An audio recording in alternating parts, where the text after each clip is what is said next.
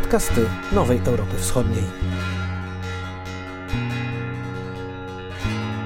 Rosja wróg numer jeden świata euroatlantyckiego. Taki komunikat popłynął w świat po szczycie sojuszu w Madrycie. Rosję w dokumencie nazwano największym i bezpośrednim zagrożeniem dla pokoju. I co za tym idzie, zmuszono Zachód do działań odstraszających Moskwę od dalszych zapędów i rozniecania konfliktu poza Ukrainę, choćby na kraje członkowskie sojuszu. Nie zapomniano o Chinach, choć tu język dyplomacji zaliczył je do zagrożeń dla interesów, bezpieczeństwa i wartości naszego euroatlantyckiego regionu. W koncepcji strategicznej ujawnionej w Madrycie pojawiły się inne regiony oraz źródła możliwych problemów, no ale to Rosja pozostała głównym zmartwieniem strategów i polityków sojuszu. Rosja, która prowadzi wojnę z Ukrainą od 24 lutego. Po madryckim spotkaniu na szczycie mamy więc mocne określenie wroga, jednak pozostała także przestrzeń na stawianie pytań, czy rzeczywiście 30 państw skorzystało z szansy, by skutecznie powstrzymać Rosję od dalszych interwencji. Obawy Europy Środkowej i państw bałtyckich podzielają Finlandia i Szwecja, które można powiedzieć pobiły rekord świata organizacji w przystępowaniu do NATO od momentu wyrażania woli do złożenia dokumentów. Mieszkańcy tych krajów dołączyli do swoich polityków w tym swoistym biciu rekordu. Poparcie dla członkostwa rosło lawinowo z tygodnia na tydzień. Parafrazując tytuły filmowe, czy mamy do czynienia z sojuszem wszystkich strachów, czy republiką państw zdolną przeciwstawić się imperium zła? Ta druga część to oczywiście odniesienie do Gwiezdnych Wojen. Dodam tylko, że jej podtytuł to Nowa Nadzieja. Przez te zawiłości filozoficzno-polityczno-wojskowe przeprowadzi nas Robert Pszczel, niezależny ekspert do spraw bezpieczeństwa, przez kilka lat dyrektor Biura Informacji NATO w Moskwie. Witam pana bardzo serdecznie. Dzień dobry, dziękuję za zaproszenie. Bardzo się cieszę. Któż jak nie pan przeprowadzi nas przez te meandry działań sojuszu w tych nowych czasach, w tej sytuacji, która naprawdę wymaga nowej nadziei, ale ja bym tak zaczął od tego bycia pan przez pana dyrektorem wrogiego, agresywnego sojuszu w Moskwie. No to dość trudna sprawa, by tam pracować, chodzić po ulicach, nawet bym powiedział, nie być poddany jakiejś formie inwigilacji przez Rosjan. Znaczy, jak to się mówi często, bo wiedziały gały, co brały. No ja byłem zainteresowany, e, tak powiem, taką, mm, taką pracą, bo zajmowałem się sprawami Rosji wiele lat już w NATO. Miałem dużo kontaktów, jeśli chodzi o dziennikarzy rosyjskich. No, znałem, krótko mówiąc, Rosjan również z, z tych kręgów decyzyjnych. To był zresztą okres, kiedy, przypomnijmy, e, na mocy decyzji i można powiedzieć chęci wielu państw, no wszystkich, bo w NATO musi być jednomyślność, jednak była e, ochota, była próba wieloletnia nawiązania i to się częściowo udało, jakiejś formy współpracy z Rosją. W 2010 roku na szczycie w Lizbonie, to był ostatni szczyt e, Rady NATO-Rosja, przyjechał wtedy prezydent e, Medwiediew, e, no, w komunikacie mówiło się o, że zmierzamy, czy traktujemy prawie, że Rosję jako strategicznego partnera. To było oczywiście trochę na wyrost, ale takie były realia. Więc to, że wyzwania były od początku, bo tak naprawdę w Rosji w Rosji NATO i sposób, w jaki jest postrzegane, zależy od tego, jak określa to Kreml. No, dlatego właśnie pytam, jak pan tam mógł pracować, swobodnie wyrażać swoje myśli, przedstawiać racje, mówić o e, sytuacji po inwazji przecież rosyjskiej i wojnie w Gruzji w 2008 roku i po tym wydarzeniu, który, które nas spotkało, mnie i pana, w, Bu w Bukareszcie w Rumunii w 2008 roku, teraz, po latach, w 2022, wraca się do tych wydarzeń. To są wydarzenia, podwaliny do tego, co się dzieje teraz. I to jest niesamowite, że ta historia zatacza takie koło. No ona, znaczy koło, z punktu widzenia tego pana, który urzęduje na Kremlu, e, on, jest to pewna ciągłość myślenia. On, to jest myślenie, które jest coraz bardziej jakby oderwane od rzeczywistości, ale nazwijmy to swego rodzaju ciągłość ideologiczną, czy jego, jego wizja powiedzmy historii. I rzeczywiście, no, wspomniał pan słusznie o tym szczycie w Bukareszcie, bo e, no, po pierwsze nie doszło wtedy do e, rozpoczęcia, może nie rozmów akcesyjnych, ale jednak do tej szybkiej ścieżki. Nie, nie, nie było zgody na to, jeśli chodzi o członkostwo Ukrainy i Gruzji w NATO. A jeśli... Nawet mapy drogowej nie dostali. No właśnie mapy drogowe, tak. I, i, a to wiemy dzisiaj, możemy spekulować, ale z dużą dozą prawdopodobieństwa, gdyby obydwa te państwa były członkami NATO, na pewno nie doszłoby chyba jednak do inwazji Ukrainy. Taka jest prawda. Albo z dużym, tak jak mówię, prawdopodobieństwem możemy to zakładać. E, to było też, ten szczyt, to było też miejsce, w którym e, Putin wygłosił słynne wystąpienie. No teraz to już jakby wszyscy o tym mówią, więc nie jest to objęte żadną nicą, w którym właściwie określił Ukrainę jako sztuczne państwo. No jak w Polsce jesteśmy na to bardzo wyczuleni, prawda? Sezon sztat, tak? E, to było szokujące. No więc w tym sensie można powiedzieć zachował pewną ciągłość, e, bo wtedy już pokazywał, e, co chodzi mu po głowie. Tylko, że wtedy Rosja była państwem po prostu słabszym, bo te główne inwestycje, w to, co jedyne inwestycje, które Rosja tak na dobrą sprawę poczyniła jako państwo, nie zainwestowała w drogi, w szpitale, w szkoły. W setce najlepszych uniwersytetów w Europie nie ma żadnego uniwersytetu rosyjskiego. Natomiast siły zbrojne tak. No i widzimy dzisiaj, prawda, co, co te inwestycje przeniosły. Natomiast y, to już, to już było wtedy wiadome, że przy sprzyjających, przy lepszych, e, lepszej koniunkturze dla Rosji, to będzie ten kierunek. To zostało powtórzone de facto potem w słynnym wystąpieniu w Monachium. No to jest to na Forum Bezpieczeństwa. Tak, gdzie rzeczywiście to już było jawne, jak gdyby opowiedzenie się po stronie konfrontacji, no bo Stany Zjednoczone przede wszystkim, ale właściwie większość świata zachodniego została przedstawiona jako obóz jak gdyby wrogi, który Rosji w jakimś sensie przeszkadza. No i wtedy już mieliśmy, mogliśmy usłyszeć te wszystkie elementy narracji, prawda? Dezinformacji, o rusofobii, prawda? I tak dalej. I teraz zostało to powtórzone przecież w tak. przemówieniu przed atakiem, przed początkiem inwazji 24 lutego. To też tak. można powiedzieć, wynikło nam, pokazał wyraźnie Władimir Putin, że uważa Ukrainę za sztuczne państwo. Madryt e, dzieje się w momencie, kiedy Rosja wywołuje wojnę, rujnuje Ukrainę, e, popełnia zbrodnie wojenne. Ja mam takie do Pana pytanie. To największy kryzys, z jakim musi zmagać się NATO w całej swojej historii od powstania sojuszu? Czy tutaj te chwile, które przeżywamy, przesłaniają nam momenty, które jednak były też bardzo ważne dla sojuszu i ważyły o jego zachowaniu, modyfikowaniu koncepcji, podejściu do problemów? Po drodze przecież było ich sporo.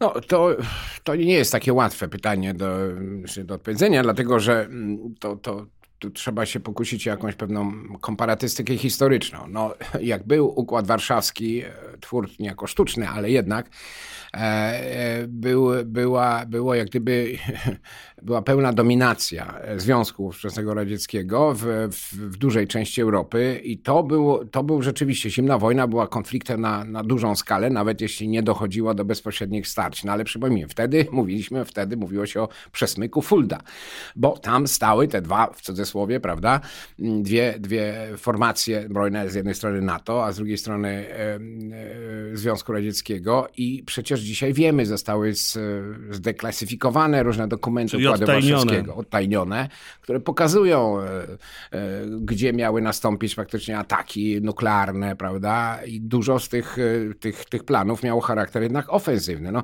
taka ciekawostka, mój kolega czeski, który pracuje w NATO, ale jest też historykiem, często ma okazję jakby zapoznać się, zanim to jeszcze zostanie upublicznione, z dokumentami w, w, w Pradze i, i parę lat temu mógł napisać artykułów, które pokazywały, że na przykład armia czechosłowacka miała za zadanie przebić się przez Monachium do Francji i zająć Lyon, co przyszło jako szok dla Francuzów. Dlaczego Lyon? No oczywiście spekulacje, bo to stolica kulinarna, prawda, Francji, ale żarty na bok, e, tak to było. Więc e, e, przeskoczmy dzisiaj do tej rzeczywistości, jaka jest. Rosja jest krajem, który jednak nie ma, nie ma takich parametrów ekonomicznych jak Związek Radziecki.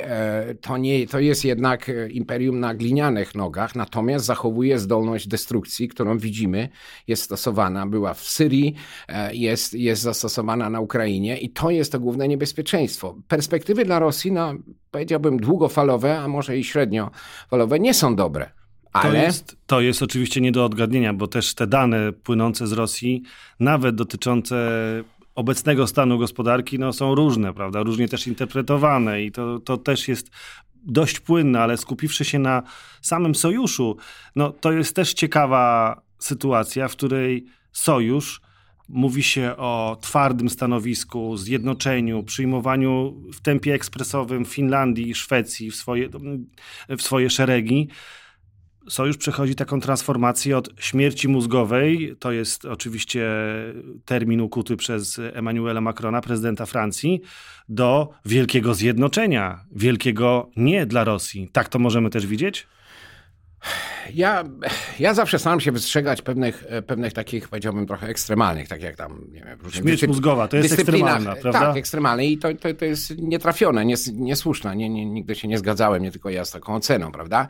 Z drugiej strony mówienie, że sojusz jest zawsze wespół, zespół zjednoczony we wszystkim, e, to też nie, nie, nie oddaje rzeczywistości, bo, bo to nie jest Układ Warszawski. No jest sojuszem 30 krajów demokratycznych z różnymi, e, prawda, problemami, z inną wrażliwością historyczną, z, innym, z różnym spojrzeniem i właśnie na tym polega cały wist, aby e, kraje, które mają określone i bardziej powiedziałbym mm, takie zdecydowane poglądy w różnych kwestiach, czy to dotyczy Rosji, czy zagrożenia stąd, czy stamtąd, no bo są kraje na przykład południa, których no, bardziej z oczywistych względów e, martwią sprawy dotyczące e, zagrożenia terrorystycznego, czy niestabilności na przykład w północnej Afryce, no bo geografia ma swoje znaczenie, plus historia. Zdecydowanie. Ale istota na to polega na tym, że te interesy się muszą zgrać.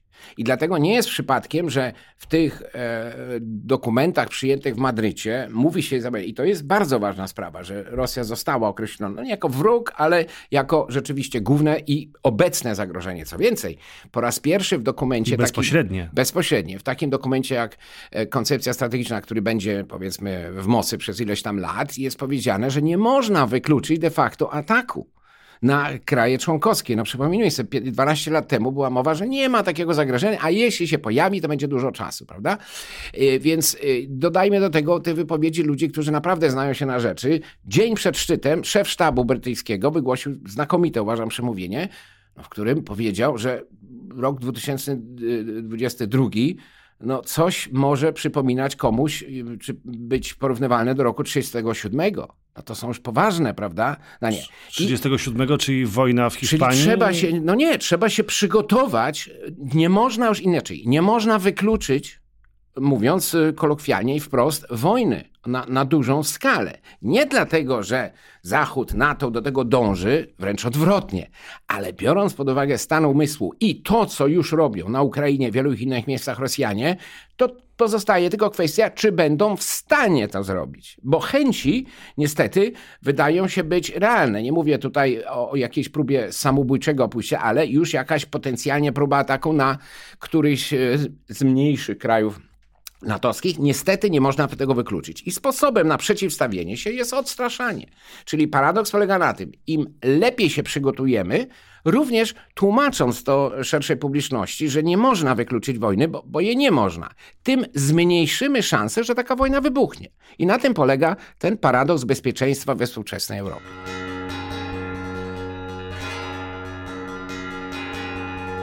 Czy na to odpowiedziało w sposób zdecydowany na te żądania, które wysnuł Władimir Putin i jego sztab doradców jeszcze w grudniu ubiegłego roku, mianowicie właściwie zredukowanie manewrów do zera natowskich na terenie innymi Polski również, bo to są, chodzi o członków, którzy przystąpili do NATO po 1997 roku. Właściwie te punkty, które wystosował Putin do świata zachodniego i do NATO, mówią o tym, że dajcie sobie spokój z tym regionem. Wyjedźcie, nie przywoźcie nowego sprzętu, żadnych rakiet krótkiego bądź średniego zasięgu. My to wszystko będziemy mieli pod kontrolą, tym bardziej, że musimy razem na, temat, na ten temat obradować i ustalać reguły gry. Tak wygląda grudzień 2021 roku. Czy Madryt na to odpowiedział zdecydowanym znaczy, nie? Tak naprawdę to już to już odpowiedział wcześniej, to były żądania bezczelne, e, no zdecydowanie krótko, tak, ale... nie do przyjęcia, one oznaczały właściwie e, e, cofnięcie się do okresu, do stanu sprzed 2017 roku. No nie było takiej szansy, żeby chociażby nie kraje, do wypełnienia to jest, które prawda? weszły do, do NATO po 1999 roku, by, by się na to zgodziły. To, było, to zostało odrzucone. Natomiast wiemy już teraz z perspektywy czasu, że właściwie więcej niż pół roku Rosja uczestniczyła w jakiejś fałszywej grze. To była gra pozorów po prostu kłamała. Paradoksalnie, czy może nie paradoksalnie, ale signa temperis, w dokumencie NATO, w komunikacie jest eksplicyte stwierdzono, stwierdzone, że Rosja kłamała. To jest i, i to jest w tym dokumencie z Madrytu. W komunikacie z Madrytu jest paragraf, który mówi o tym, że musimy również odpowiadać cytuję, na kłamstwa Rosji. Więc jak gdyby stan dzisiejszy jest taki, wszystko już wiemy, a jak ktoś nie wie, to znaczy, że zaklina rzeczywistość albo nie chce jej uznać z różnych tam powodów, tak? Odpowiedź, którą NATO przygotowało jest z punktu widzenia doktrynalnego i jak gdyby formatu tej odpowiedzi e, e, właściwa bo, bo, bo, bo mówimy o przejściu już do systemu wysuniętej obrony, e, mówimy o całkowicie jak gdyby zmianie, to się już nazywa nawet nowy model, prawda, sił NATO, no bo jak się mówi o, o, o prawda, 300 e, tysiącach e, sił w stanie wysokiej gotowości, a co nawet 500 tysięcy, troszkę, prawda? A było 40 tysięcy. Dokładnie, to jesteśmy już w innym tym, tylko że cały WIS i można dodać parę innych elementów, które przypominają pewne rozwiązania i słusznie z okresu zimnej wojny, czyli na przykład y, rozlokowanie sprzętu zawczasu, asygnowanie różnych jednostek, że nie tylko, prawda, jakby co, to będziemy to wszystko w cudzysłowie sklejać, czy dowódcy, prawda, natowscy, ale że już te jednostki będą ćwiczyć, będą poznawać to miejsce, albo będą już tam nawet dyslokowane. To jest wszystko bardzo ważne i prawidłowe, ale istota problemu dotyczy też kwestii czasu.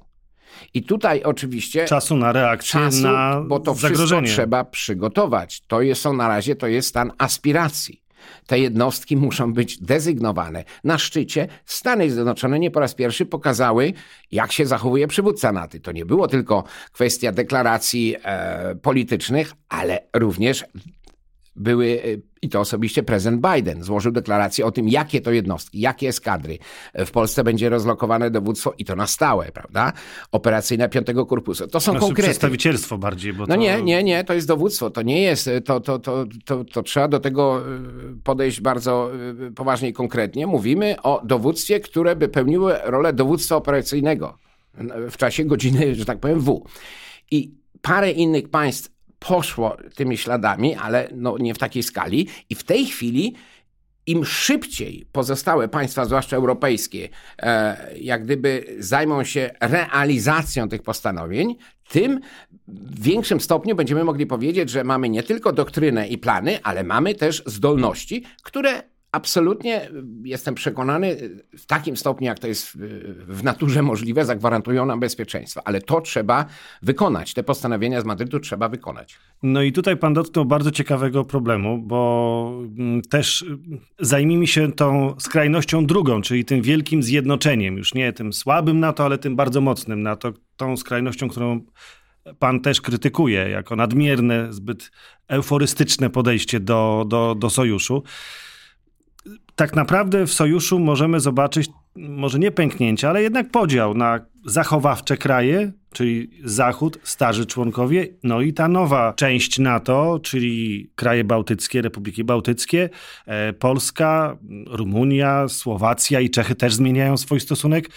To jest też pokaz, no nie wiem, ale czy jednak nie słabości NATO w obliczu tego, że trzeba być bardzo zdecydowanym wobec działań Rosji, deklaracji Putina i tego, co on zamierza zrobić? No znowu, y, y, częściowo się zgadzam z panem, tak, ale ja bym ale nie, nie szedłbym w kierunku, że tak powiem, nalepek, bo to jest troszeczkę y, taki etykietek, prawda? Bo to jest troszkę zwodnicze. Z jednej strony zgoda. Są państwa, które. No ale wykuło się coś takiego jednak. No, no mamy ten się, podział. Ale, ale, to po pierwsze to nie do końca oddaje rzeczywistość. No bo kraje, które no, przykładowo, tak, y, słusznie podaje się krytyce, zresztą ostatni taki film dokumentalny, zrobiony zresztą przez, przez urząd y, na zlecenie Urzędu Prezydenta Francji, prawda? E, te wszystkie rozmowy od, od kuchni pokazał między innymi z, z Putinem przed rozpoczęciem wojny. No, no, no ewidentnie, prawda?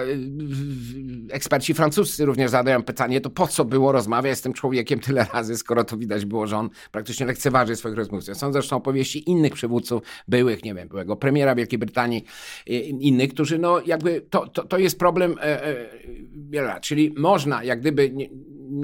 To samo dotyczy przez polityki niemieckiej, tak? Słuszne słowa krytyki, ale z drugiej strony ta sama Francja dostarcza na przykład y, Ukrainie szalenie istotne systemy, prawda? Najnowocześniejsze, jakie, jakie posiada. Cezar, tak. Dokładnie. Y, y, y wysyła wojska do Rumunii i tak dalej. To nie jest czarno-białe, prawda? Natomiast rzeczywistość jest no taka, jest tak, że ale NATO, jednak. tak, tak, ale na, NATO nigdy nie było i, i nie będzie prawda, jednolitym tworem, w którym wszyscy y, zachowują się tak samo, prawda? To, to jest niemożliwe.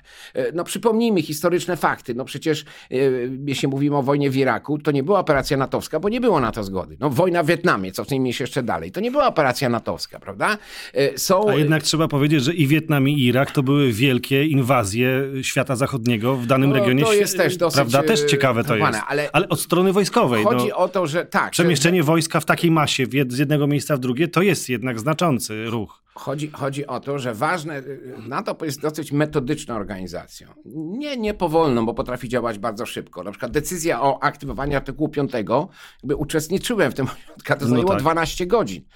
Ja wiem, że to był Stany Zjednoczone zostały zaatakowane i tego też nie było, że tak powiem, nikt tego nie przewidywał. Czyli 11 Ale września 2001. 11 września. 12 godzin to naprawdę nie jest dużo, trzeba było sprawdzić wszystko z punktu widzenia również prawnego i tak dalej i wtedy ówczesne, ile to było państw, prawda, no mniej, 16, nie, może nie 16, ale przepraszam, no około 20 aru, ale podjęły tę decyzję, więc proces decyzyjny potrafi bardzo dobrze, yy, szybko działać. Tak samo różne procedury, które były wypracowane przez lata pozwalają nawet 30, y, organizacja ma 30 członków, wkrótce 32, działać bardzo szybko. Ale to nie oznacza, że, że, że, że nie trzeba włożyć to dużo pracy. Ostatni przykład, e, kwestia blokady, że tak się wyrażę, e, protokołów akcesyjnych e, Finlandii i Szwecji przez Turcję. To nie jest sprawa jeszcze zakończona. To wymagało dużych To był ten zabiegów. turecki taniec y, Turecki gambit, tak. No gambit. tutaj powiedzmy, to jest właśnie dobry przykład. Turcja jest ważnym sojusznikiem, który wnosi istotny wkład do bezpieczeństwa, prawda? Jest druga największa armia, prawda, i tak dalej. Ale z drugiej strony zachowanie Turcji w NATO często jest takie, powiedziałbym delikatnie, kunktatorskie albo takie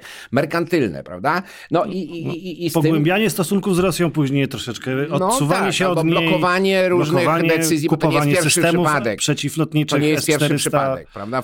Turcja już blokowała, nie wiem, na przykład wyznaczenie sekretarza generalnego Rasmussena na, na funkcję sekretarza generalnego wczesnego premiera y, Danii i, i parę innych kwestii. No taką ma tradycję. Więc to, to, to nie jest usłane różami i ten proces proces wykowania konsensusu jest często trudny i trzeba, trzeba się wspinać na wyżyny i dyplomacji, trzeba mieć argumenty, bo mówiąc wprost, w NATO nic się nie dostaje jak gdyby za darmo, trzeba o wszystko powalczyć, nawet jak się ma rację. Ale tą rację trzeba przekuć potem na poparcie innych krajów. Więc znowu, Madryt pod tym względem był sukcesem i jest uprawnione mówienie o tym, że to był historyczny szczyt. Ale to powiedziawszy, jest ten tak zwany dzień e, po. No. I tutaj trzeba po prostu pracować usilnie I, i, i, często tak bywało, że decyzje podjęte, czy komunikaty zatwierdzone, o tym okazywało się, że są tak zwane różnice interpretacyjne. Prawda? No tak to wygląda. To jest dyplomacja multilateralna i tym się odznacza. I ale... na to patrzy Kreml z zadziwieniem czasami albo ze, ale on... z, z, takim wzrokiem, że jak to wykorzystać, prawda? Tak, ale on mimo wszystko y, nie rozumie świata zachodniego i nie rozumie, bo myśli Ale czy my rozumiemy świat, y, świat Kremla? Czy NATO wie, w co gra Putin, do czego zmierza? Bo to też jest ważne dla całej strategii i dla tego szczytu w Madrycie, o którym próbujemy rozmawiać też w kontekście historycznym, jakoś go ustawiać w tym całym rozwoju NATO i spojrzeniu NATO na zagrożenia. Czy my wiemy, w co gra Putin, do, do czego zmierza? Mówię my, oczywiście jako headquarters w Brukseli. Wydaje mi się, że teraz już tak. No ja powiem tak, jak byłem Czyli urzędnikiem... w co gra? Putin gra w, w, w neoimperializm, no, gra po prostu w, w politykę, którym mottem jest znane motto niestety dobrze z przeszłości, że siła, prawda, e, siła powinna stanowić praktycznie prawo. No bo co to są żądania, które zresztą wczoraj zostały ponownie e, wygłoszone wobec Ukrainy, że powinni sobie zmienić, prawda, nie wiem, prezydenta, powinni stać się neutralni, i, a cele operacji rosyjskiej to jest e, zneutralizowanie, no to znaczy rozbrojenie, czyli zniszczenie i tak dalej. To znaczy ja uważam, że e, cezurą powinien być rok, jeśli chodzi o relacje z Rosją 2008, czyli inwazja na Gruzję. Byłem wtedy urzędnikiem natowskim, no więc była taka tak zwana zbiorowej mądrości NATO. Uznano, że to, to może było coś takiego wyjątkowego, że dalej jest warto inwestować w ten związek. No i może to miało sens, ale w momencie, kiedy rzeczywistość, czyli fakty przeczą temu, co jest możliwe, to należy zrezygnować z tej polityki, prawda? To dopiero stało się w 2014 roku i uważam, że te 6 lat mm, to był ten okres, kiedy być może należało już wtedy z tą politykę zrewidować. Ale nie było konsensusu. Przypomnij, zresztą przykładowo, nie było konsensusu w Madrycie, bo można zwrócić uwagę na taki smakowity e, element. Nie ma mowy w tym dokumencie, mimo że jest tak dużo Rosji, o tak zwanym akcie stanowiącym, czyli porozumieniu NATO-Rosja z 1997 roku, które Rosja już podeptała. Już dawno nie ma. Ale moim zdaniem i wielu innych osób należało na szczycie formalnie ogłosić, że ten dokument jest nieważny. Nie to nie nastąpiło. Aha. Ale no więc to powiedzmy, to nie jest idealne rozwiązanie, bo były państwa, które stwierdziły, że lepiej jest współpracować. Ale ważniejsze w tym wszystkim jest to, że on po prostu nie ma żadnego operacyjnego znaczenia. I sojusznicy, i to jest ta zmiana te poglądy na temat Rosji kolektywne, one e, ewoluowały i doszliśmy do punktu, w którym nie da się już cofnąć do, do, do sytuacji sprzed, prawda? Więc to jest... Czyli w e, jakim punkcie teraz jest NATO? No, NATO jest e, zdaniem.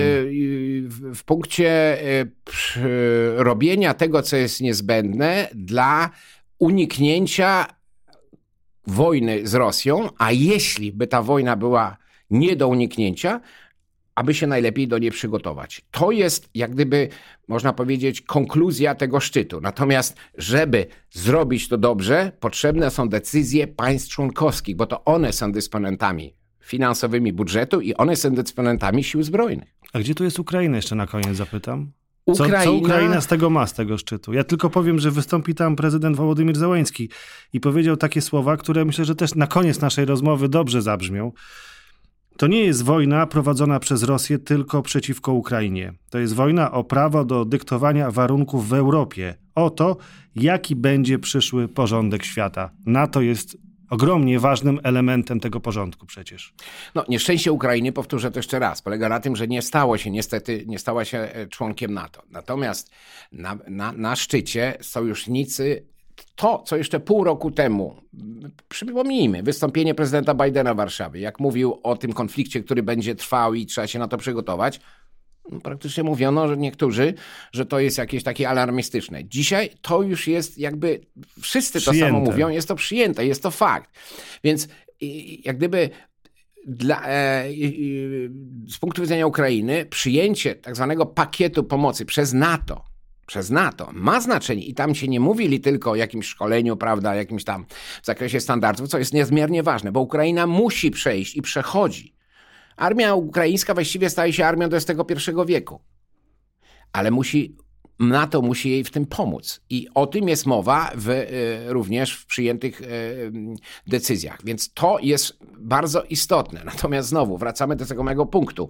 Żeby pomoc w tym przypadku dla Ukrainy była konkretna, szybka i przynosiła natychmiastowe efekty, potrzebne są bardziej radykalne decyzje w państwach, w stolicach państw członkowskich. I tu, tu, tu, tu, tu, jest, tu jest to, o co należy w tej chwili walczyć. A ja myślę, że ta pomoc dla Ukrainy to też będzie oznaczała, że NATO jest zdolne, by wykonać to, co pan powiedział, czyli w razie niestety zagrożenia wojną, zmobilizować się i umiejętnie i skutecznie odeprzeć to, co wymyślił sobie pan prezydent Putin i jego akolici na Kremlu. Dziękuję bardzo. Robert Pszczel, niezależny ekspert do spraw bezpieczeństwa, przez kilka lat dyrektor Biura Informacji NATO w Moskwie. Bardzo panu dziękuję za rozmowę. Dziękuję bardzo.